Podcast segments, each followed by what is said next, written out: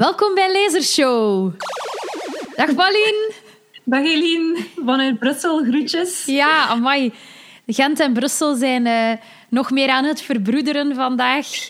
Door de, coronatijd, door de coronatijden. Uh, so, so far, but yet so close. Het is toch een beetje een primeur, hè, wat we nu proberen. Ja, we, we, hebben het eindelijk aangedurfd om onze... Um, onze afleveringen van op afstand verder te zetten, omdat we ook gewoon in december nog altijd niet het lockdown gaan zijn. En anders ja, ja, zijn, we, zijn we failliet aan het gaan, dus we moeten doorgaan.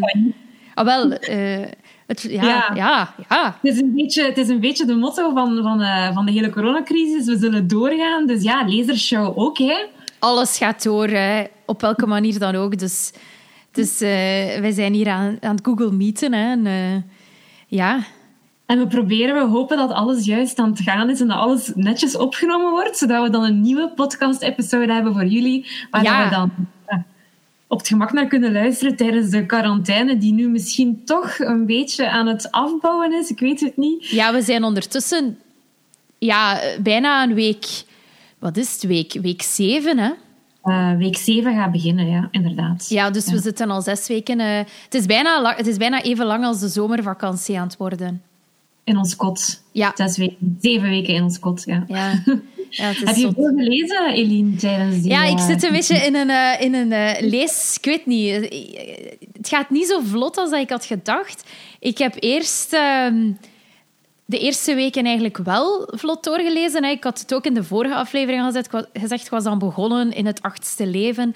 En um, ja, door, door het werk en zo lag dat dan een beetje stil. Maar dan in die quarantaine kon ik eigenlijk altijd wel doorlezen. En het trekt u enorm mee. En dat gaat ja, van het ene interessante verhaal in het andere. En, dat, dat, en die schrijfster neemt u mee op sleeptouw door de 20e eeuw en, en die familieverhalen en die, het communisme en zo. En ja, dat was voor mij niet moeilijk om daar uh, mijzelf in te verliezen en ook even niet te denken aan, ja, oké, we zitten hier vast en, en zo.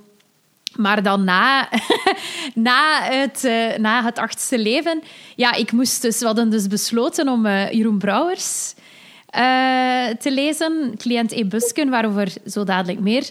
Vond ik niet zo simpel om mijzelf aan te zetten. En dan dacht ik, ik ga ook iets intellectueels lezen. En ik had een tijdje geleden, al een paar jaar geleden, uh, Hannah Arendt gekocht. Uh, Eichmann in Jeruzalem over het, de banaliteit van het kwaad dan ben ik daar ook in begonnen, maar ik ben daar nog altijd in bezig. Maar dat was dus niet zo van, wow, ik ga hier. Het loopt lekker, maar ik heb ook niet de juiste keuzes gemaakt. Edoch, ik ben nu begonnen in uh, The Trip to Echo Spring van ah. Olivia Lang. Spreek ik haar familienaam goed uit? Ik weet het niet. Ja, ik denk het. Maar uh, dus Why Writers Drink. En zij neemt eigenlijk u mee op een reis door Amerika uh, waarbij dat ze het heeft over uh, onder meer Hemingway, F. Scott Fitzgerald, Tennessee Williams. Dus uh, verschillende auteurs die um, ja, een heel moeilijke relatie hadden met alcohol. fatale relatie dikwijls. die onderling ook dikwijls bevriend waren. En ze bezoekt ook de plaatsen waar zij vaak kwamen. En, en het is een zeer interessant boek.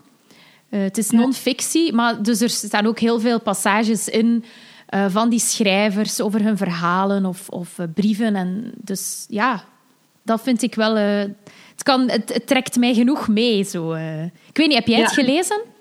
Ja, hè, we hebben daarover gepraat in onze vorige. Ja, wel. Tja, het... Twee episodes geleden, denk ik. Ja, ik denk.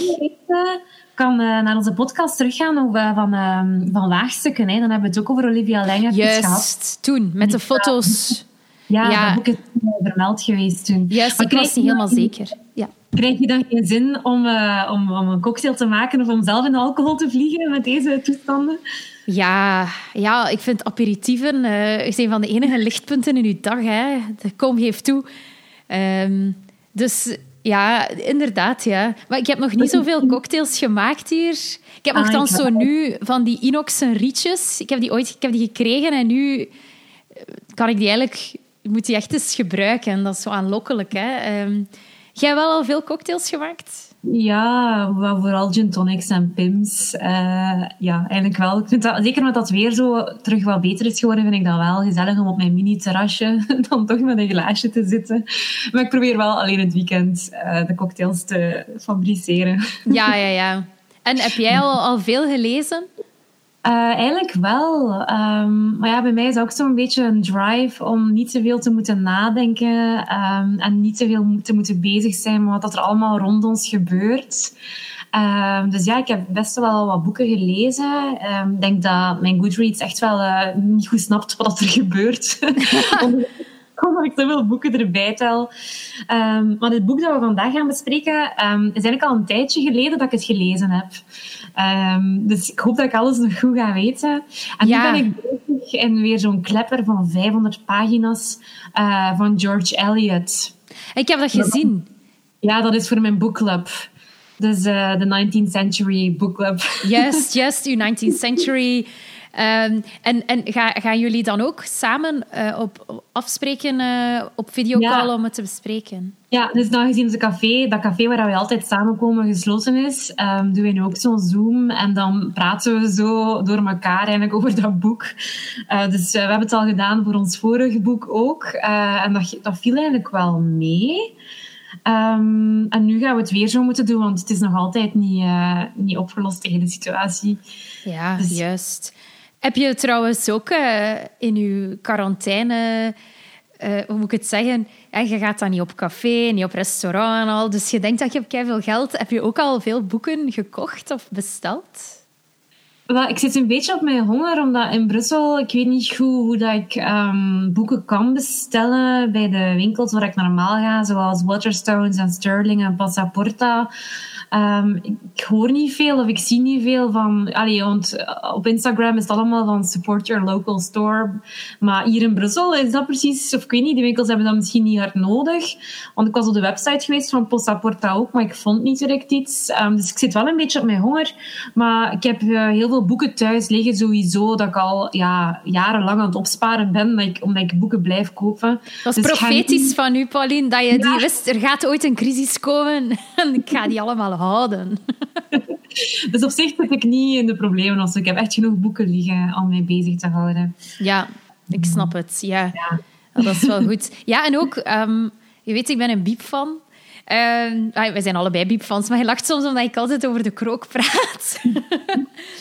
um, die worden altijd automatisch verlengd, dus dat is wel ja. handig. En ik weet niet of dat in Brussel ook zo is, maar in Gent kan je nu uh, een boek reserveren gratis. En dan leggen ze het klaar en dan krijg je een mail wanneer dat je er kan omgaan. Dus de bibliotheek is eigenlijk nog onder bepaalde voorwaarden open. Ah, wel ja, daar wacht ik dus op. Maar Muntpunt lijkt dat ook niet echt te doen. De kleinere bibliotheek is wel, maar ja... Dus ik zit zo op mijn honger hier in Brussel. Ik snap het niet goed wat dat er, uh, waarop dat ze wachten om inderdaad zoiets te doen. Ja. Um, want ik zou het wel zeker gebruiken, want allee, ik blijf als ik boeken opschrijven dat ik wil lezen en dat ik wil allee, in handen krijgen. Dus ik zou het zeker gebruiken. Dus misschien ja. komt het. Ik vraag mij ook af uh, of er nu veel nieuwe boeken verschijnen.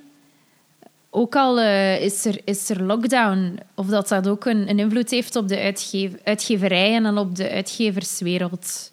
Hmm, dat weet ik eigenlijk niet. Want veel schrijvers gaan dan zo op een boektour en dan doen ze lezingen en zo om hun boek aan te prijzen. En dat gaat nu ook allemaal een beetje ja, verloren. Hè? Ja, dat is. Of dat heel veel dingen misschien online ook meer en meer gaan. Allee, ik weet niet. Ja, maar is ook zo. Ja, dan moeten dat ook allemaal oppikken. Ik weet niet of dat jij. Zo, je ziet zoveel van die uh, cultuurhuizen die dan hun voorstellingen... Nu, je kunt dan zo bijvoorbeeld van Behouden Begeerte zo voorstellingen van vroeger zien. Of je kunt uh, via Lumière films bestellen. Maar bij ons komt dat er vaak op neer dat wij gewoon naar Netflix kijken en naar zo Play van Telenet. En ja, ik denk dat dat voor veel mensen toch nog een extra stap is. Of je kunt ook zelfs blijkbaar Broadway musicals en zo zien. Ja, ja. Uh, doen jullie dat? Nee, niet echt. Ja. ik heb... Ik heb ook gewoon zoiets... Ik zit nu al zo voor mijn werk. Uh, ik geef ook les online. Ik heb soms zo echt zin om iets te doen zonder naar een scherm te moeten zitten kijken. Ja, dus ik ben nu wel vol, vol een bak puzzels aan het maken. Eigenlijk de grootste nerd dat er bestaat. Ehm, dus dat doe ik wel. Zo wat puzzelen. En dat helpt mij wel zo, om even zo mijn ogen wat rust te geven. En ook gewoon ja, echt zo met je handen bezig te zijn en zo te zien. En dat doet wel deugd na zo'n hele dag voor je laptop uh, geplakt te zitten. Dat is waar. En lezen hè, natuurlijk. Ja. Zou, zou jij geneigd zijn om um, zo boeken te lezen die aanleunen bij de coronacrisis? Zoals mhm. De Pest van Camus of Liefde in tijden van cholera of De Stad der Blinden? Nee, ik wil dat misschien lezen als het voorbij is.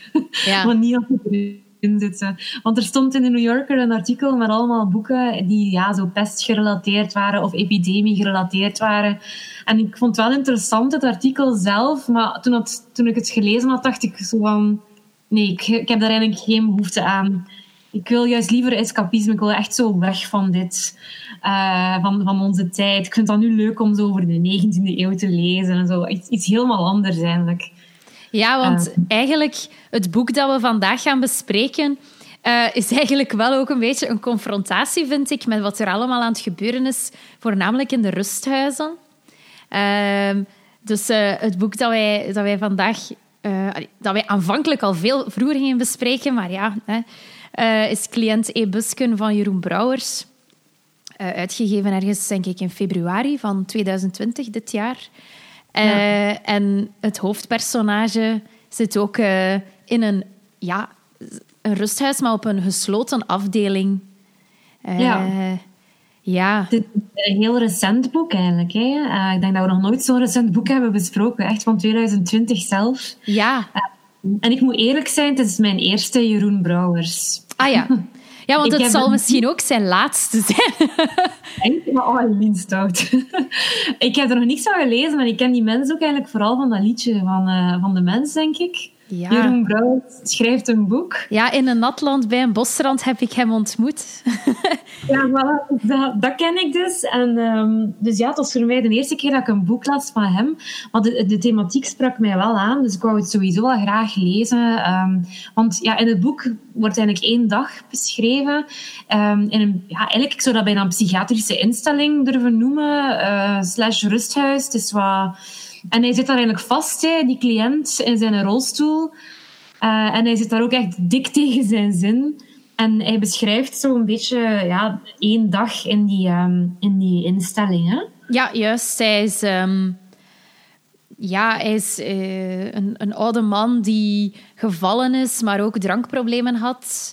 En dan ja. door een kwalijke val uh, daar is opgenomen en zich ook zeer weinig herinnert van wat er daarvoor allemaal gebeurd is.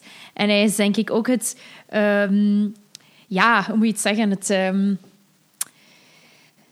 het, het, toonbeeld van een, uh, on, zeg je dat, een onbetrouwbare verteller. Ja, nogal. ja. Um, hij is eigenlijk ook... Allee, de titel van cliënt E. Busken, ik wist eerst totaal niet wat dat was. Maar dus die cliënt, dat is eigenlijk zo, ja, um, het andere woord voor zo de zorgbehoevende, blijkbaar. Maar ik wist dat dus niet. En dus eigenlijk, uh, voordat ik echt wist waarover dat, dat, boek ging, dacht ik zo van, dat, dat boek spreekt mij niet echt aan, want ik weet niet over wat dat gaat. Maar eigenlijk is dus, ja, zit hij vast in, zijn, in, in een instelling... Um, ja, like dat je zei, de gesloten afdeling van het uh, instituut Madeleine. En hij, hij, beschrijft dat ook nog als, uh, ik vond dat wel ach, ja, een beetje grappig, het oord van horror of de geschiftenwinkel uh, in zijn eigen woorden. Ja. Hij is heel kritisch over de plaats waar dat hij zit. En hij vindt zichzelf ook niet gek. Hè? Voor zichzelf is hij heel, heel logisch. En hij, hij heeft zo van die megalomane buien waarop hij van alles zit op te schrijven. Uh, wat dan wel tot heel mooie passages uh, leidt, vond ik. Ja, maar absoluut. soms een beetje te lange zinnen. Ja, uh, dat klopt. En, en, en hij, inderdaad, hij, hij, hij, denkt dat er zichzelf, aan zichzelf niks mankeert. Maar tegelijkertijd heeft hij wat de psychiater en zo omschrijft als megalomane wanen. En dus ik vind het wel boeiend hoe dat de, de verteller telkens ook die contradictie um, ja, weergeeft. Uh, dus zij zegt dan bijvoorbeeld van... Uh, ik, um, wacht, ik ga, ik ga het even opzoeken in mijn boek. Van dat hij in Papua Nieuw-Guinea was. Uh, ja. En dan... Um, dan, dan, dan begint hij over, uh, over ja, dat hij daar uh, van alles heeft gelanceerd bij de lokale bevolking of dat hij daar uh, archeologie heeft gedaan. Maar dan zegt hij een zin later van ik weet helemaal niet meer hoe dat mijn dochter heet. Had ik een dochter? Wat is haar naam? En zo, zo, dat vind ik dan... Dat is in éénzelfde passage. Die, die zinnen lopen allemaal in elkaar door. Of... Um, ja, hij, begint wel hij begint ook zo woorden door elkaar te slaan die... Ja, dat hij dan heel even later weer recht zet. Dat hij zegt van, ah, ik heb mij vergist, het was niet dat woord, het is dit woord dat ik bedoel. Hij, hij beseft bij zichzelf wel dat er iets niet helemaal oké is, maar dan, hij wil het ook altijd opnieuw ontkrachten van, ik ben niet zot, ik ben niet zot, ik heb geen wanen. um, ja. ja. Maar je ziet dat hij een beetje zijn grip op de taal ook verliest, hè? Want hij, allez, hij zegt dan zo plaats van psycholoog, de, de zielenvreedster, en dan psychiater. Ja. En, een, een laptop, dan zegt hij zo laptop met een, met een E in plaats van een A. Dat hij dat zo schrijft. Dus je ziet dat hij wel, ja, dat hij ook zo'n beetje zijn grip op, op taal um, aan, het, aan het verliezen is ook. Hè. Um, hij, hij, zegt dan, hij is heel grof ook over, zijn, over de mensen die eigenlijk voor hem moeten zorgen daar. Um, en hij praat ook over, over hoe dat zij hem proberen te helpen. Um, maar het is, het is zo heel um, vanuit zijn perspectief natuurlijk. Hè. En ik vind het ook, wat ik ook interessant vond, was dat hij zo keek naar de anderen in die uh, instelling. Hij, hij, zegt zo dat die andere mensen zo geschift zijn als zure melk, maar hij zelf niet. Uh, en dan zegt hij zo op een gegeven moment zo van ja, en dan, dan praat hij over zijn eenzaamheid, omdat hij toch echt wel een uh, poeta doctus en primus perpetus is tussen de andere geesteswrakken. Dus hij heeft echt zo een beetje last van grootheidswaanzin ook. Um, ja, ja, ja, ja. Ja, wacht, ik, ik, ik zal even... Ja, zeg maar, zeg maar, sorry. En ik vond dat gewoon echt heel interessant dat hij zo, zichzelf zo veel beter voelt dan de andere mensen die daar ook rondlopen in die verschrikkelijke instelling. Uh, maar dat hij eigenlijk, wat hij zegt, is soms zo zot gelijk naar achterdeur. Hè? Ja, ja, hij zegt dan bijvoorbeeld van... Schat, schaterrijk was ik, omringd door geparfumeerd jeugdig vrouwvolk en jongelingschap. Wij spoelden het toilet door met champagne. Hij, hij praat dan zo over alle feestjes waar hij zo gezegd is geweest, dat hij koningin Beatrix daar dan ontmoette. Oh, ja, en... dat was grappig. Ja, dat hij ja. niks ontmoet heeft. Ja, of dan zegt hij van... van um, en van boektitels ook die van ikzelf in de loop van mijn lange welbesteden en bewogen leven het licht mocht geven. Literaire zowel als beschouwelijke en wetenschappelijke. De heropstanding van Goethe werd ik genoemd. Hoe heet mijn dochter als ik een dochter heb? Hoe heet ik zelf ook weer? Dus dat is wat ik daarnet bedoelde, dat hij zo... Ja, eigenlijk... Eh, weet je, in het begin van dat boek had ik dat ook niet door. Ik dacht, ja, hij is hier een professor en hij is hier opgesloten. Maar eigenlijk is hij ja, inderdaad zelf. Maar ze behandelen hem ook zo'n beetje als een baby. Hè? Allee, het is echt zo typisch zo hoe dat... Ja, allee, ik, ik moet dan denken aan mijn oma, die ook in een gesloten instelling zat op het einde van haar leven. En ja, die ook heel hard aan het dementeren was. En ja, de verpleegsters die spraken ook echt zo van... En mevrouwtje, hoe is het vandaag? En dat komt ook in dat boek terug, hè, dat, dat hij zo beschrijft dat hij echt zo... Ja, hij, hij, heeft echt een pamper aan en hij moet voor het minste moet hij geholpen worden. En ze, ze behandelen hem echt alsof hij terug een, uh, een kind is geworden eigenlijk. Ja, ja hij zegt dan zo van... Uh, men praat weer over me. Dat wil zeggen, men praat over me heen. Of ik niet bij hun deliberatie aanwezig ben. Ik ben een lege schoenendoos of iets dergelijks. Ze dichten me een gekte toe die mij ontmenselijkt tot een pop in een rolstoel zonder gedachten. Nu en dan uit ik een schreeuw of grom. Ja, dat is echt zo de vinger in de wonden leggen, denk ik, van... Ja, mensen met dementie en, en, en ja, hoe dat misschien sommigen ja, daarmee omgaan van... En dat is alleen nog precies die primaire behoeften en hop en in hun bed. En, en dan die mensen hebben pijn, maar die kunnen dat niet meer verwoorden. Die, die kunnen alleen nog maar roepen soms of zo. En ja, het is eigenlijk de ja. demente die terugpraat.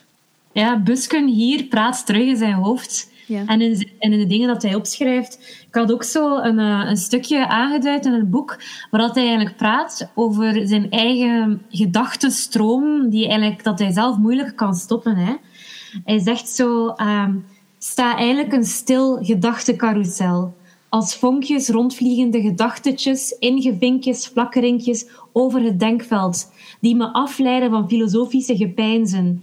In zo'n draaimolen. Vroeger op de kermis hing boven de rondhossende wagentjes een kwast. Wij zeiden een flosh. En als je die tijdens de rit kon losrukken, mocht je voor niks nog eens. Boven mijn geestesdwarrelingen zou ook zo'n flosh moeten hangen, om tot werkelijk denken te kunnen komen. Me concentreren kan ik niet meer, sedert ik ben gevallen. Stemmen in mijn hoofd en darmen, en daar echoend door gangen en portalen, iedere stem een andere kleur, lettergrepen, letters. Dus ik vind dat die waanzin dat hij heeft, dat, dat Jeroen Brouwer dat wel heel mooi onder woorden kan brengen. Absoluut, ja. in ja. het boek. Ja, ik, ik, ehm, en ook zo dat je dan zegt van die lettergrepen en dan letters, alsof dat je de taal langzaam verliest. Van woorden naar lettergrepen naar letters. En dan op, dan op het einde schiet er eigenlijk niks meer over. Ja, hij is zo die waanzin, en over, hij, noemt het zijn uh, overhoopliggende breinwereld. De, hij, dat wordt zo mooi beschreven. En, en soms is het ook gewoon compleet. Allee, zo, aan de ene kant uh, ben je hem dan aan het geloven. En dan aan de andere kant zegt hij zoiets compleet waanzinnigs, zoals uh, huisdieren zijn al hier trouwens niet toegelaten. Anders had ik mijn krokodil wel meegebracht. ja. Dan moet ik ineens zo lachen. zo, ja, maar wat ik wel zo'n beetje zei, want soms wil hij die waanzin zodanig ook in de stijl laten doordringen, dat dat zo, zo'n lange zinnen worden van echt zo'n halve pagina, um, dat, dat, allee, dat ik zo op een gegeven moment ook zo'n beetje weg aan het dwalen was um, in mijn eigen gedachten. Omdat dat zo lange zinnen waren dat je zo als lezer op een duur wel een beetje kunt af beginnen haken. Ja, maar hij, hij, benoemt dat zelf ook, hè? Ja, ja, pagina 141. Ja, juist. Zegt zo tegen zichzelf. Um, als je je volzinnen nu eens minder vol maakt. Ik neig naar volle volte, het volste, overvolle, onverzadigbare, uit zijn voegen barstende, buiten zijn bedding brekende, overstromende, met voeten tredende, overschreeuwende, overspannende. Als ik het voorlees, wordt het bijna moeilijk om adem te halen, omdat hij, ja, hij, het is zo lang en, en, en maar echt zo die, die woorden bombast ook dat hij gebruikt. Ja, uh, dat is juist. Ja.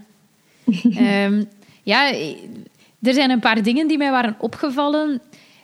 Hij spreekt ook altijd over dat alles ineens blauw wordt voor hem, of dat hij blauwe ja. dingen ziet. Ja. Ja. ik vond dat ook raar. Maar dan moest ik, dan moest ik denken aan, ja, ik weet niet, onze oldtimer van vandaag, van uh, One Flew Over the Cuckoo's Nest. Ja. Heb je dit ooit gelezen? Ja, hè? Ja, ja, ja. Van ja. Ken, Ken Casey. Casey. Ja, uit 1962. Daar heb je zo die, die narrator, ja, ook zo echt een onbetrouwbare verteller. En hij heeft toch ook zo van die episodes dat hij zo alleen nog maar fog ziet. Dat de mist zo volledig zijn, zijn wereld overneemt. En dat ja, dus ik moest daar dan ook aan denken. Dat blauw eigenlijk bij, bij cliënt E. Busken is een beetje zoals de mist dat, dat Chief eh, um, in One Flew Over the Cuckoo's Nest ook zo heeft. En ik denk dat dat zo ja, ook wel een beetje instaat voor zo het gevoel dat je hebt in de psychiatrie. Um, als je gewoon dingen niet klaar meer ziet, maar ook al de medicatie dat ze in je pompen. Uh, al de pilletjes dat je krijgt. Misschien is dat dan wel, dat dat misschien ergens ook uh, daarvoor symbool staat, voor zo die medicatie inderdaad en die gekleurde pillen. En, ja. ja. Misschien, misschien uh, kunnen we even zeggen waarover dat One Flew Over the Cuckoo's Nest gaat dan. Ja, doe maar. Oké, okay, ja, want het is, het is een hele tijd geleden. Ik heb wel trouwens... Wacht, het is van Ken Casey. Um, het speelt zich af in... Um, in een, een, een uh, psychiatrische afdeling. En uh, ik ben even aan het zoeken naar de titel in het Nederlands. Ah ja, dat is zeker. Uh, is het ah, niet van... Oh my god, het is nog erger dan Spaarde Spotvogel. En eentje zag ze vliegen. Een eentje? En eentje zag ze vliegen. Ah, ah eentje. Oké, okay, ja. ik, dacht even, ik dacht even de vogel eentje. Nee, dus en eentje. Ja, dus het is eigenlijk ja, ja. even erg. Ja. um, dus... Uh, ja, misschien zijn er veel mensen die de film wel kennen van um, Milos Forman. Ja. Met uh, Jack Nicholson. Ik had ook een film gezien eigenlijk voordat ik het boek had gelezen. Dus ik had eigenlijk een Ja. heel sympathiek beeld van Jack Nicholson in de film. En Chief, eh, ik had echt zo... Ik vond dat, ik vind dat nog altijd een kei goede film. Ehm, maar ik heb dan dat boek onlangs gelezen, omdat door Busken begon ik een beetje terug te denken aan het koekoesnest. En ik ben het gaan halen in de biep. En ik moet zeggen dat ik eigenlijk dat personage van Jack Nicholson eigenlijk helemaal niet... Dus McMurphy noemt hij. Dat ik dat eigenlijk helemaal niet meer zo sympathiek vond. Ah, zo. Ja, dat is eigenlijk gewoon een dikke asshole, hè. ik moet zeggen, het komt mij allemaal nog maar zeer vaag voor. Uh, Alleen Nurse Ratched... Die, oh, die, er is daar een verpleegster en die, die um, heerst over die psychiatrische afdeling met haar ijzeren hand. En die zegt zo... Je voelt zo... Ik denk, in die film ziet je dat ook, hè, maar in dat boek ook gevoeld zoveel sympathie voor al die mensen die daar zitten. Ja. En, uh, en je snapt ook elke vorm van revolte tegen uh, het systeem verpersoonlijkt in, in, die, uh, in die verpleegster. Ja. ja, dat is... Ja, want eigenlijk McMurphy komt toe in de, in de mental asylum, in de psychiatrie. Maar hij is eigenlijk niet... Um, hij, heeft, er is, hij heeft geen mentale problemen. Hij, hij wil daar gewoon even zijn straf uitzitten.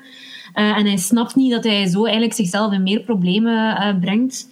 Um, en eigenlijk wat ik wel mooi vond aan dat boek van One Flew Over the Cuckoo's Nest, is dat je eigenlijk de narrator is eigenlijk um, chief, dus een, een, eigenlijk een soort van ja, een Indiaans, ja, eigenlijk in Native American moet ik zeggen, denk ik, mm -hmm. op wat ik zeg, uh, die eigenlijk vertelt, Chief Bromden, en hij, hij doet ook alsof hij doof is en niet kan praten, maar eigenlijk kan hij dat wel. Dus eigenlijk zo die grens tussen waanzin en niet-waanzin is heel dunnetjes. En dat vind ik, dat is iets dat mij wel altijd heel, heel hard geïntrigeerd heeft. Um, ja, zo, het feit dat die, die, die lijm tussen, tussen ja, waanzin en, en niet-waanzin en gezondheid, dat dat eigenlijk echt gewoon super dun is. En, en in dat boek, ja, McMurphy bekoopt het eigenlijk wel ook met, allez, met, met heel erge gevolgen uh, voor hem, dat hij zich daar heeft laten opnemen. En ook zijn strijd met die ene nurse Ratchet, um, ja, dat, dat, is, dat bouwt op naar een climax uh, ja, want hij zet eigenlijk die afdeling op stelten, hè? samen met die patiënten. Hè? Is dat echt... Uh, Evolutie. Ja. ja. en in de film, ja, daar... Uh, dat, dat maakt het boek zo interessant, hè, omdat je, gelijk dat je zegt, in de film, die, die Native American chief, ja, dat is gewoon een façade. Het is een façade waarachter dat van alles ja. schuil gaat, maar in de film kan je dat totaal niet achterhalen. Terwijl in het boek, of ben ik nu fout, is er daar wel een manier, is er daar een, er is daar toch geen vertelperspectief van Chief, hè, toch? Waar in de film? In de film, nee, hè? Maar terwijl dat het boek eigenlijk ja, alles vanuit zijn perspectief dan weer bekijkt. Dat, dat vond ik jammer, dat miste ik in de film eigenlijk. Want allee, ik had altijd de film eerst gezien en dan las ik het boek en ik dacht, ah, hier krijg ik echt het volledige verhaal door de blik van Chief Brandon. En dan heb ik de film opnieuw gekeken en dan is die eigenlijk gewoon een, precies een bijrolletje of zo terug vond dat ja. zo raar. Ja, inderdaad. Um, wacht hoor. Ah ja, over die Ken Casey. Hè, die, die heeft um, zelf ook deelgenomen aan experimenten waar, die door de CIA waren um, ja. gefinancierd. MK-Ultra project, waarbij dat ze um, dan aan mensen LSD en zo gaven en cocaïne en zo verder, om uh, de effecten daarvan te bestuderen. En dan is, dat was ook dan de inspiratie voor hem, onder meer voor One Flew Over the Cuckoo's Nest. In mijn boek ook, um, de, dat ik van de Biep heb gehaald, zijn de tekeningen in het boek van Ken Katie zelf. En dat is echt wel heel mooi. Ah, uh, oké. Okay. Van die pentekeningen, heel simpel, maar zo van psychiatrische patiënten omdat hij daar ook gewerkt heeft, zelf in de psychiatrie ook. Um, en hij heeft dan heel veel schetsen gemaakt. En die hebben ze hier in het boek um, ja, geïntegreerd. En ik vond dat wel heel mooi. Um, maar ik vond wel, wat dat mij wel heel erg stoorde in dat boek, was het racisme. Uh, in het boek van De Koekoesnest? Uh, of... In alle twee. Ah, en in Busken ook, ja. ja, um, allee, in, in Ken Casey sowieso, het, het verzorgend personeel die daar onder Nurse Ratchet staat, die zijn, dat zijn zwarte uh, mannen. En ja, daar, daar wordt echt zo heel onbeleefd over gepraat. Um, en ook over ja, het feit dat Nurse Ratchet een vrouw is. Um, heel veel van die ja, McMurphy kan dat niet af, dat hij moet luisteren naar een vrouw. Dus het is niet alleen het, feit dat zij de maatschappij representeert, maar ook dat zij zo een, een vrouw is die daar de, die daar de macht heeft. Uh, in dat boek vond ik dat eigenlijk heel vrouwenvriendelijk. Terwijl in de film is dat aspect volledig afgezwakt. Ehm, daarom had ik in de film veel meer sympathie voor um, Jack Nicholson en, en, de, en de klanten daar in de psychiatrie dan in het boek. Eigenlijk. Ah ja, zo. Maar is de film ook niet van een heel stuk later? Is dat geen film uit de jaren tachtig? Hmm, denk jaren 70. Of jaren 70? Ik ga het even... Ja, dus het zeker... ja, ik weet het eigenlijk niet. Zo. Het boek is van 63, uh, 62. Ja, 62. En dan de... Wacht, ik ben hier ondertussen. De adaptations. De film ja, was, was in 1975 ja, uitgegeven. ja.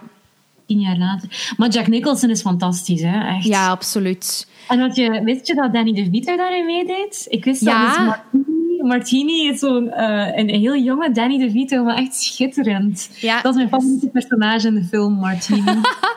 Ja, ik zie, ik zie die gezichten wel nog voor mij. En inderdaad, Danny DeVito is daar ook een van die uh, figuren op de ward. Um, ja.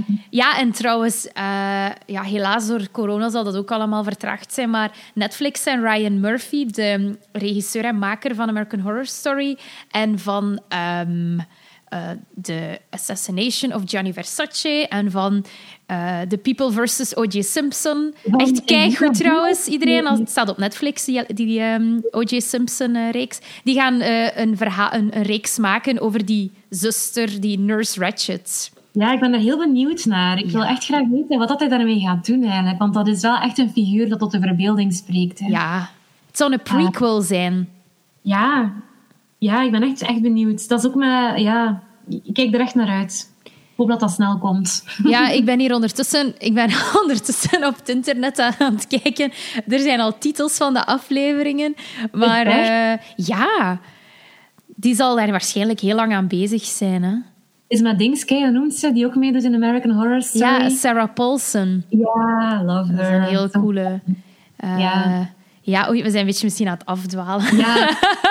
um, nee, in elk van cliënt Busken ja. naar oldtimer eigenlijk een beetje voor... Um, ah ja, dus over terug naar Busken. Um, ja. Ik vond wel ook typisch voor, voor brouwers uh, wacht, ga dat straks, we gaan dat straks zijn. Ik wou iets zeggen over wat mij ook opviel. Wat, wat je daar zei van die um, onvriendelijk tegenover uh, uh, mensen met een vreemde origine en zo. Ja, dat kwam daarin inderdaad. En, en ook over ja. genderfluiditeit en zo. Dat is heel de tijd zo. Is het een man of een vrouw? Is het Ja, onze, onze vriend Busken is niet zo tolerant. Uh, ik had een paar dingen opgeschreven. Ja, hij gebruikt echt woorden zoals... Ja, als hij zo praat over mensen met een andere huidskleur, zoals roetveeg, geklutste persoon... Uh, deze vrouw is allochtoons, maar je mag dat niet zeggen. Je mag nooit zeggen dat iemand zwart is. Uh, en hij gebruikt zelfs het N-woord ook op pagina 134. en, Wat mooi, je weet die pagina van buiten. Ja, ik, ik, was, ik was echt... Ik, was, ik wist niet goed wat ik ermee moest doen. Ik werd er zo wat kwaad van. En dan denk ik zo van... Ja, Brouwers, doe het hier dan toch maar. Ook al is het zo gezegd een, een, ja, een waanzinnige persoon die het uh, schrijft. Ja, ik denk dat dat juist wel ergens ten dele wel overeenkomt met de realiteit. Dat, uh, ja. dat vaak zo de generaties, twee generaties boven ons, dat soms een beetje is van... Uh, oma, je mocht dat niet zeggen. Of uh, dat woord gebruiken we niet meer nu.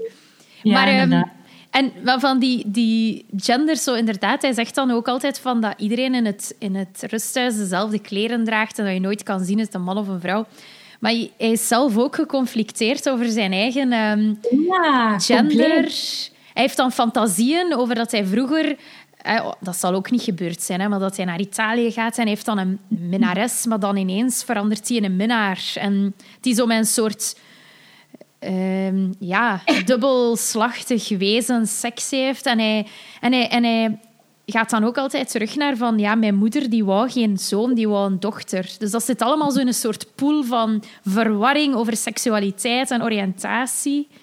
Ja. ja, het is daarom dat hij er zo constant op terugkomt, op zo dat genderfluide aspect, omdat het sowieso iets was wat hij zelf mee gestruggeld heeft, denk ik, in zijn leven, hè, onze busken. Ja, en dan die fixatie eh, dat zijn moeder...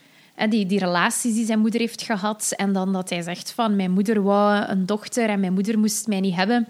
Vind ik wel iets dat terugkomt ook in andere werken van Brouwers.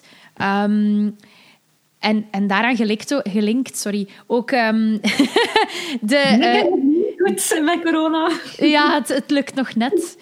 Ehm, is ehm, eh, de, het Indonesië-trauma. Ja. Dat komt eigenlijk maar heel kort aan bod, maar toch, de plaatsnamen die hij daar gebruikt, die komen ook in andere van zijn werken voort. Dus ik denk dat dat wel autobiografisch, eh, een autobiografische inslag heeft. Ehm, want hij, spreekt bijvoorbeeld over dat hij op een boot zit en samen met zijn moeder uit Indonesië vertrekt. En um, dat hij dan in Indonesië zelf uh, speelde met de kindjes. En, um, en dan, dan over dat hij naar Nederland gaat. En dan, ik moest opeens schoenen aan, blote voeten waren ook voorbij. Dat is uh, ook in, in bijvoorbeeld Jeroen, Jeroen Brouwers zijn, zijn werken, zoals De Zondvloed uh, en Bezonken Rood, die gaan ook over...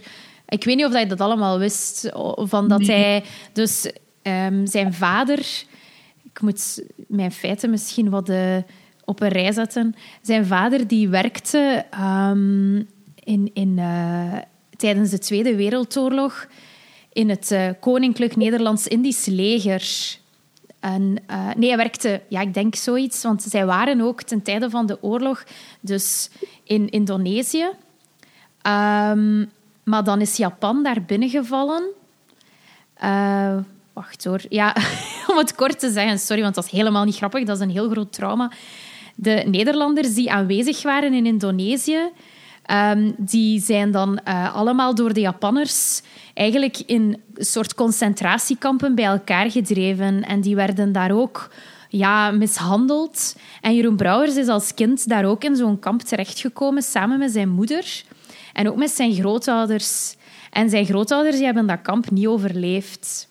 Mhm. En dus het, die, het hele, die, relatie met zijn moeder als beschermeling, of, of de, het feit dat hij nadien in Nederland ook daar niet meer over konden praten, uh, dat heeft een hele diepe naslag gehad op zijn werk. En um, ja, daar zitten, dus in zijn, zijn, bekendste werk van Brouwers is dan Bezonken Rood. Um, en daarin gaat het ook ja, over de dood van zijn moeder en over het leven dat zij hadden in die, ja, om het onrespectvol te zeggen, de jappenkampen. En um, ja, dat ze dan bijvoorbeeld moesten allemaal kruipen over de grond op hun hurken. Uh, omdat de, de Japanners zeiden dan van, hey, nu moeten jullie allemaal ja, om een of andere reden gelijk kikkers kruipen. En dan ondertussen scheen die superhete zon urenlang op hen. En dan waren er mensen die gewoon bezweken van, van de hitte en ook van de dorst en de honger. En, en ja, dat, is, dat, dat zijn dingen die, ja, die, die door zijn werk heen vaak terugkomen. Ja. Ja, als dat, is mijn eerste brouwer, dus dat, al die extra informatie heb ik natuurlijk niet mee. Hè, als, nee, als nee, tuurlijk, ja. Als eerste lezer. Um, uh, dat trouwens... Ja, sorry, zeg maar, zeg maar. Dat ik zeg gewoon, dat zijn dingen dat ik dan niet, niet oppik, natuurlijk. Ja, ja, het is ook maar, het is maar vrij kort ook dat hij daar in, uh, ja, in, in cliënt E-Busken op terugkomt. Uh, maar zijn moeder komt er alleszins ook niet, uh, niet goed uit. nee. nee. ja.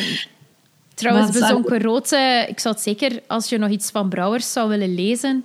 Het is wel, ik vind, ik vind um, Bezonken Rood, heb je ook aan Tunief gelezen, is, niet, is um, ook maar een vrij dun boekje, in tegenstelling tot andere boeken van Brouwers, die soms um, zijn zoals dit, Pauline. Je zit op de webcam. is duizend... Bijvoorbeeld De Zondvloed is meer dan 750 pagina's, maar Bezonken Rood is eigenlijk vrij compact en is, vind ik zijn tot nu toe het mooiste boek van hem dat ik heb gelezen. Ah ja. Ja. Um, ja, ik wil, wel, ik wil wel iets meer lezen van hem. Zo. Um, allee, ik vond wel um, de, de manier waarop hij schrijft, is echt heel virtuoos.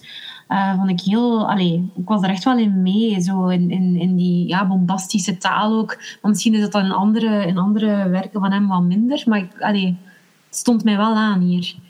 Ja, absoluut. Um, ja, ik vond het hier echt zo tot op de spits gedreven. Zo die... Ja, en dan dat, dat voorlaatste hoofdstuk gaat hij er dan volledig over. Hè. Ik wil er niet te veel over zeggen, maar dan denk ik, ik was echt zo aan het lezen van, wat gebeurt er daar allemaal? En allee, er, is, er is een barbecue en, en, en dan is er een, een mes. En, en ik dacht echt van, dat ga je verkeerd aflopen. Maar uh, uiteindelijk, het, allee, uiteindelijk was het dan allemaal nog oké. Okay, maar ik dacht echt van, oeh, opeens wordt dat inderdaad, dat je zegt, op de spits gedreven.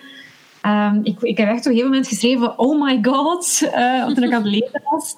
Uh, want het is opeens bijna een beetje een thriller, vond ik ook. Uh, qua adrenaline ja. stress dat ik had tijdens het lezen. Ja, het gaat zo verder en verder. En, en die, dat wordt, ja. die taal is zo snel en zo ja, nerveus bijna, hoe dat hij die gedachten in elkaar laat overlopen. En dan inderdaad die spanning op die, ja, op die barbecue. ja, van wat gaat zij hier doen? Ik vond ook... Allee, want um, de cover van het boek... Um, allee, ik heb de hardcover, is, is een, uh, een, een, um, op de voorkant is een soort van fragmentje, ik denk een schets van uh, Hieronymus uh, Bosch, die, die schilder. En ja, dat, dat is ook zo iemand, als je zo'n paar van zijn werken hebt gezien, dat zo de waanzin ook echt op een creepy manier goed kan, kan weergeven. Hè. En ik vind op pagina 143, dat is nog één fragmentje dat ik misschien wil lezen, um, vergelijkt hij eigenlijk de psychiatrie en zijn leefwereld waarin dat hij zit. Uh, dat vergelijkt hij eigenlijk met zo'n eng uh, Bosch-schilderij. En hij zegt zo... Um, de gemeenschapsruimte, genaamd de huiskamer, potten met plastic planten op de vensterbanken en in het midden, daar strompelen we binnen als in het kabinet van Hieronymus Bosch. De creatuursels aan de verschillende tafels hebben vissenkoppen en hondenstaarten, bestaan uit slechts één hoofd op kippenpoten, zwengelen met armen en handen als boomtakken bij stormachtige weersgesteldheid. Ik ben van alle cliënten al hier de enige normale. Ja, ja, ik had dat ook, ik had dat ook aangeduid. Ik vond dat ook een, een heel uh, treffend beeld. Ja. ja, ik vond ook echt... Allee, ik zeg het, ik vind dit, dit boek heel interessant voor de manier waarop dat naar waanzin gekeken wordt. Um, en, en hoe dat eigenlijk ook de waanzin wordt weergegeven door de taal zelf. Dat vind ik wel echt um, heel, heel straf gedaan. Want bijvoorbeeld in de One Flew Over the Cuckoo's Nest is dat eigenlijk niet. Daar vind ik de narrator... De, allee, hij is, de taal wordt niet overgepakt door de waanzin. Maar hier wel, bijvoorbeeld. Ja, ja, absoluut. Ja, hier is het... Uh, ja, waardoor dat je die interne monoloog soms... Uh, die wordt veel letterlijker, denk ik, weer. Dat, dat, denkproces wordt letterlijker weergegeven. Misschien dan in One Flew Over the Cuckoo's Nest. Um, wat dat, ik, ik vind Brouwers zijn taal echt heel, heel rijk. Ik vind hier wel um, het thema... De thematiek is, is zeer neerslachtig hè, en is heel er zit, uh, er zitten wel soms, uh, moet ik het zeggen, geestige passages in, maar ik heb nooit echt moeten lachen. Terwijl dat ik vind dat de Brouwers vaak ook... Allee, vaak, het is niet dat ik heel veel van hem heb gelezen, maar wel een aantal dingen. Zijn essays bijvoorbeeld, dat hij daarin ook die taal gebruikt op een manier dat je echt zo hardop moet lachen. Um, en uh, ja, dat, dat zou je dat, dat is natuurlijk niet per se hier aan de orde, want je zit ook, het is ook een zware thematiek en zo. Maar dat is wel iets dat mij ook aanspreekt in, in zo zijn virtuositeit. Dat hij ook... Um, hij heeft zo'n een, een, rijke woordenschat. Ja. Uh, en dan hij heeft bijvoorbeeld uh, uh, de prijs der Nederlandse letteren gekregen. wanneer was dat? Dat was dat zal denk ik een, tiental jaar geleden zijn. Um, en dan was hij niet tevreden. In 2007 was hij niet tevreden met, de, met het prijzengeld, omdat hij vond um, dat de, hij kreeg daarvoor uh, eh, 16.000 euro. Ja, maar hij, ik, herinner mij dat, ik herinner mij dat. Ja, en hij was dus verontwaardigd omdat een debuutprijs zegt uh, Wikipedia mij, de, dat, dat, dat, dat al 15.000 euro is. Dus hij heeft dan een essay geschreven, Sisyphus Bakens, waarin dat hij eigenlijk gewoon komaf maakt. Uh, en met, die, met de mensen uit de literaire wereld en, en, en zijn ontevredenheid volledig uit. En, en hij, hoe dat hij dan mensen beschrijft en neer, neerhaalt. En, en dat is echt zeer, zeer geestig. Dus ik zou zeker zeggen ja, um, dat dat ook um, ja, een van de facetten is van zijn werk. Dat hij zo het ook zeer grappig allemaal kan verwoorden. In zijn... Maar hier is het ook wel grappig hoor. Allee, jij zegt dat je, ik moest soms echt wel lachen hoor. Ja, ja, ah, ja oké. ja, ja. Die Mieke, ik ben even aan naam kwijt, want er is een patiënt dat, dat hem altijd volgt. Ah, Mieke, die... Mineke Kalkbrander. Ja, ja, Mineke. Dus ze komt de hele tijd naar hem. En, en uh, vroeger was ze dan zogezegd handmodel in Hollywood. Juist, juist. En, sorry, maar dat was zo absurd. Ik moest daar soms echt wel mee lachen, eigenlijk. Ja, ja, het is waar. Er zitten wel op veel absurditeit. Het is, zo, het is zo lachen met... Ja, zo'n beetje wrang lachen. Allee, ik zeg het, soms als ik naar mijn oma ging vroeger, toen ze nog uh, in de afdeling zat, ja, dan gebeuren daar ook zo'n dingen, of mensen die naar ons kwamen en, en zo dingen zeiden, waar je dan zo... Het is zo raar en je, je reageert soms gewoon door in de lach te schieten, wat dat super ongepast is. Hè. Ik weet dat. Maar dat is, ja, de, je wordt daar geconfronteerd met de waanzin, gewoon zonder filter. En dan, dat is een heel gekke wereld eigenlijk. Hè. En dan ga je naar buiten en doe je, doe je er weer achter je toe. Maar die mensen blijven daar wel in. En allee, die mogen niet naar buiten. Hè. Dat is maar een code, dus ze kunnen niet naar buiten. En dat is een heel, ja, heel disturbing place. Uh, om, om, om nu daarin te bevinden eigenlijk. Ja. Mensen die echt vergeten en in de mist zitten en die ook een stuk een taal uh, verliezen. Ik weet bij mijn oma in de, in, in de instelling was er ook een vrouw die kwam naar u en die zag er goed uit en die begon te praten. Maar wat dat ze zei waren geen woorden. Dus Amai. ze, ze dat, ze, dat ik nu tegen u praat, maar het was gewoon nonsens. Dus dat was, die, die had gewoon haar volledige ja, spraak, of, of haar taal eigenlijk, verloren. Maar die sprak dus met, met woorden die niet bestonden. En dat was heel raar, hè. Die komt zo naar u en die, die gaat echt in een serieuze manier met u in gesprek. Maar je kunt daar niks van verstaan. Ah, amai. En toen dacht van, hoe moet ik mij hier gedragen? Dat is ook voor u moeilijk. Ja, ja, tuurlijk. Dat is... Ja, ja, het is niet omdat ze, omdat ze ja, daar, daar moeten, daar thuis horen is zo'n hard woord. Dat ze daar verzorgd kunnen worden en dat ze daar ook echt graag zelf zijn. Absoluut niet. Hè. Dat weten we zelfs niet. Hè? Ja, ja je weet het gewoon niet. Hè. Sommigen misschien wel en sommigen, zoals onze, onze cliënt Buske, totaal niet. Um, maar ja, dus dat is ook een beetje met de psychiatrie. Het is ook een, een heel systeem dat ontstaan is omdat we niet weten wat we moeten doen met mensen die anders zijn of die anders doen. Juist, um, juist. Ja, dus, ik, het is ook iets dat in heel veel boeken terugkomt. Hè. Ik bedoel, het is niet alleen One Flew Over the Cuckoo's Nest, maar ook, het is nog één tip dat ik wil geven als ja. lezers geïnteresseerd zijn uh, in de psychiatrie. Um, Girl Interrupted. Ah ja, ja, ja. Uh, van Susanna Kaysen. Uh, is ook zo, het speelt zich af in de jaren 60 en het is een beetje zoals Sylvia Plath en The Bell Jar.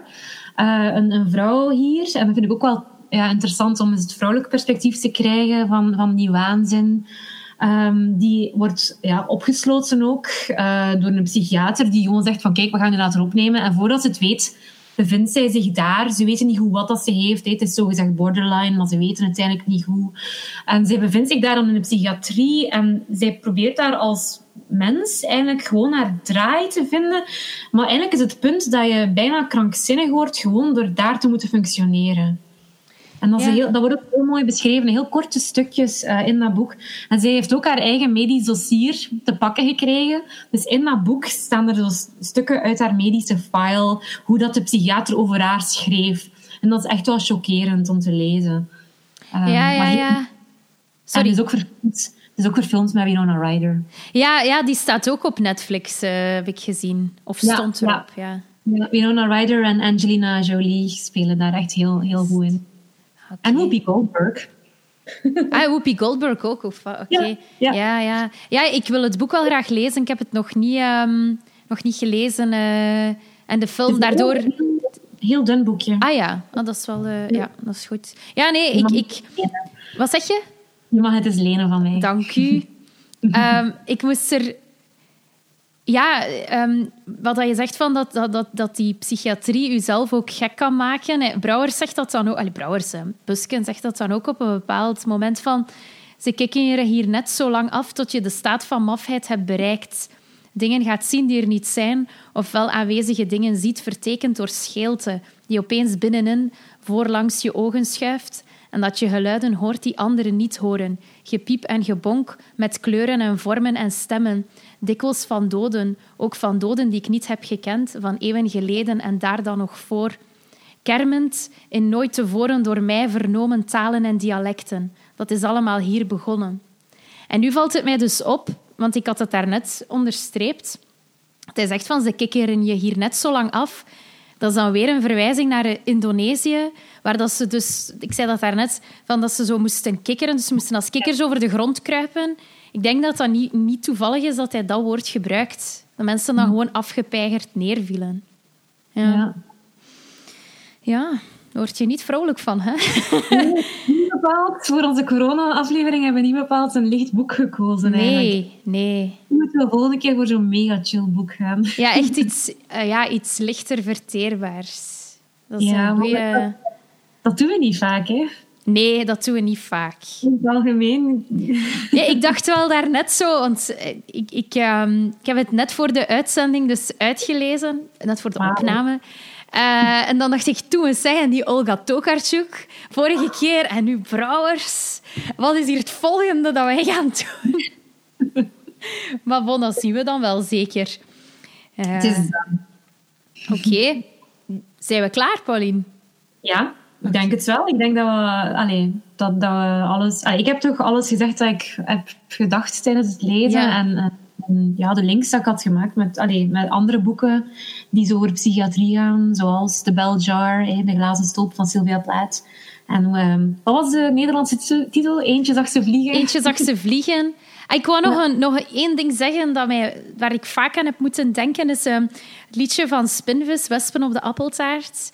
Is, uh, Ah. Ken je het? Ja, ik ken het. Ja, en, en omdat er ook op het, in het boek een barbecue is, waar dat dan iedereen verzameld zit. En daar wordt het ook in het midden gelaten. Is dat nu een rusthuis of is dat nu een psychiatrie? En hij zingt dan van... Ik weet nog steeds niet wie er jarig is, hoera. Of hoe het dan nog verder moet met mij. En iedereen zit buiten. En ja, de, over de pillen die je meenemen uh, naar het einde van de nacht en zo. Ik moest daar altijd maar aan denken. Uh, oh ja, ja. Ja. nou ja, het is al Nou, laat. Ze neemt haar pil. Die neemt haar veilig mee en zacht naar het einde van de nacht. Oké. Ja, Mooie afsluiter, Eline. voilà, kijk. En nee, ik hoop maar dat er roze koeken zijn. Voilà. Roze koeken zijn sowieso altijd een goede manier om, om toch een beetje positief af te sluiten. Voilà, kijk. Goed. En we hebben nog onze onbekende lezer, hè? Ah ja, dat is waar. Dan geven wij nog het woord door aan uh, de onbekende lezer. En dan horen wij elkaar bij leven en welzijn terug in een Oh, volgende let's- aflevering. Salut! Dag! Wel, eh, ik heb gekozen voor het boek Proeven van Liefde van Alain de Botton, wat eigenlijk de Nederlandse versie is van Essays in Love. Eh, wij hebben dat boek eh, ooit lang geleden moeten lezen in de Germaanse. Stond dat op literatuurlijst, denk ik. Dus, eh, en eigenlijk viel dat wel goed mee. Dus ik heb dat altijd graag gelezen en veel herlezen ook. Soms is een andere taal. Het moet niet altijd de Vos Reinhardt zijn. Hè. Ehm, in, ja, in dit boek schetst Alain de Botton het verloop van een liefdesgeschiedenis tussen een jongen en een meisje, wel een jonge man en een vrouw, eh, in Londen. Ehm, maar eigenlijk is eh, die liefdesgeschiedenis maar een vehikel, maar een, een vehikel, ja, inderdaad, om filosofische ideeën aan op te hangen. Dus eh, de Botton is een filosofie-student en hij past al de theorieën van de beroemde filosofen toe op het verloop van die liefdesrelatie. Ehm, ja, je zou als, kritiek, als punt van kritiek over het boek kunnen zeggen dat de personages niet echt eh, heel uitgediept zijn. En ja, dat is zo, maar dat is absoluut niet erg, want dan mis je een beetje het punt. Want eigenlijk dienen zij enkel maar om die ideeën mee te verkondigen. Eh, eh, het boek begint met eh, te schetsen hoe ongelooflijk toevallig het is dat eh, de twee mensen elkaar tegenkomen op een toevallige vlucht van Parijs naar Londen, de jongen en het meisje dan. En dan krijg je het verloop van de relatie, de eerste verliefdheid, hoe die ehm, gebeurt volgens Plato of volgens Kant. Eh, volgens Plato zou zijn mijn ideale vorm. Hè. En hij zegt eh, dat hij verliefd is op het meisje volgens Kant, want eh, hij wordt verliefd op eh, net haar oneffenheden, niet haar perfecties. Zo wordt hij, eh, het, bijvoorbeeld het spleetje tussen haar tanden en dergelijke meer. Eh, voor de rest gaat eh, de liefdesrelatie zoals dat eh, veel liefdesrelaties verlopen. Hè. Dus van in het begin zeer goed en de eerste seks en dat is allemaal leuk. En dan ehm, ehm, komen de eerste ruzies en uiteindelijk overspel en het gaat allemaal heel mis en dan wil iedereen zelfmoord plegen. Allee, toch de man in elk geval. Maar kijk, ehm, het is heel leuk, vooral als je die filosofische theorieën wilt leren kennen. En heel vlot verteld in kleine, behapbare stukjes. En het belangrijkste van al, er staan tekeningen in.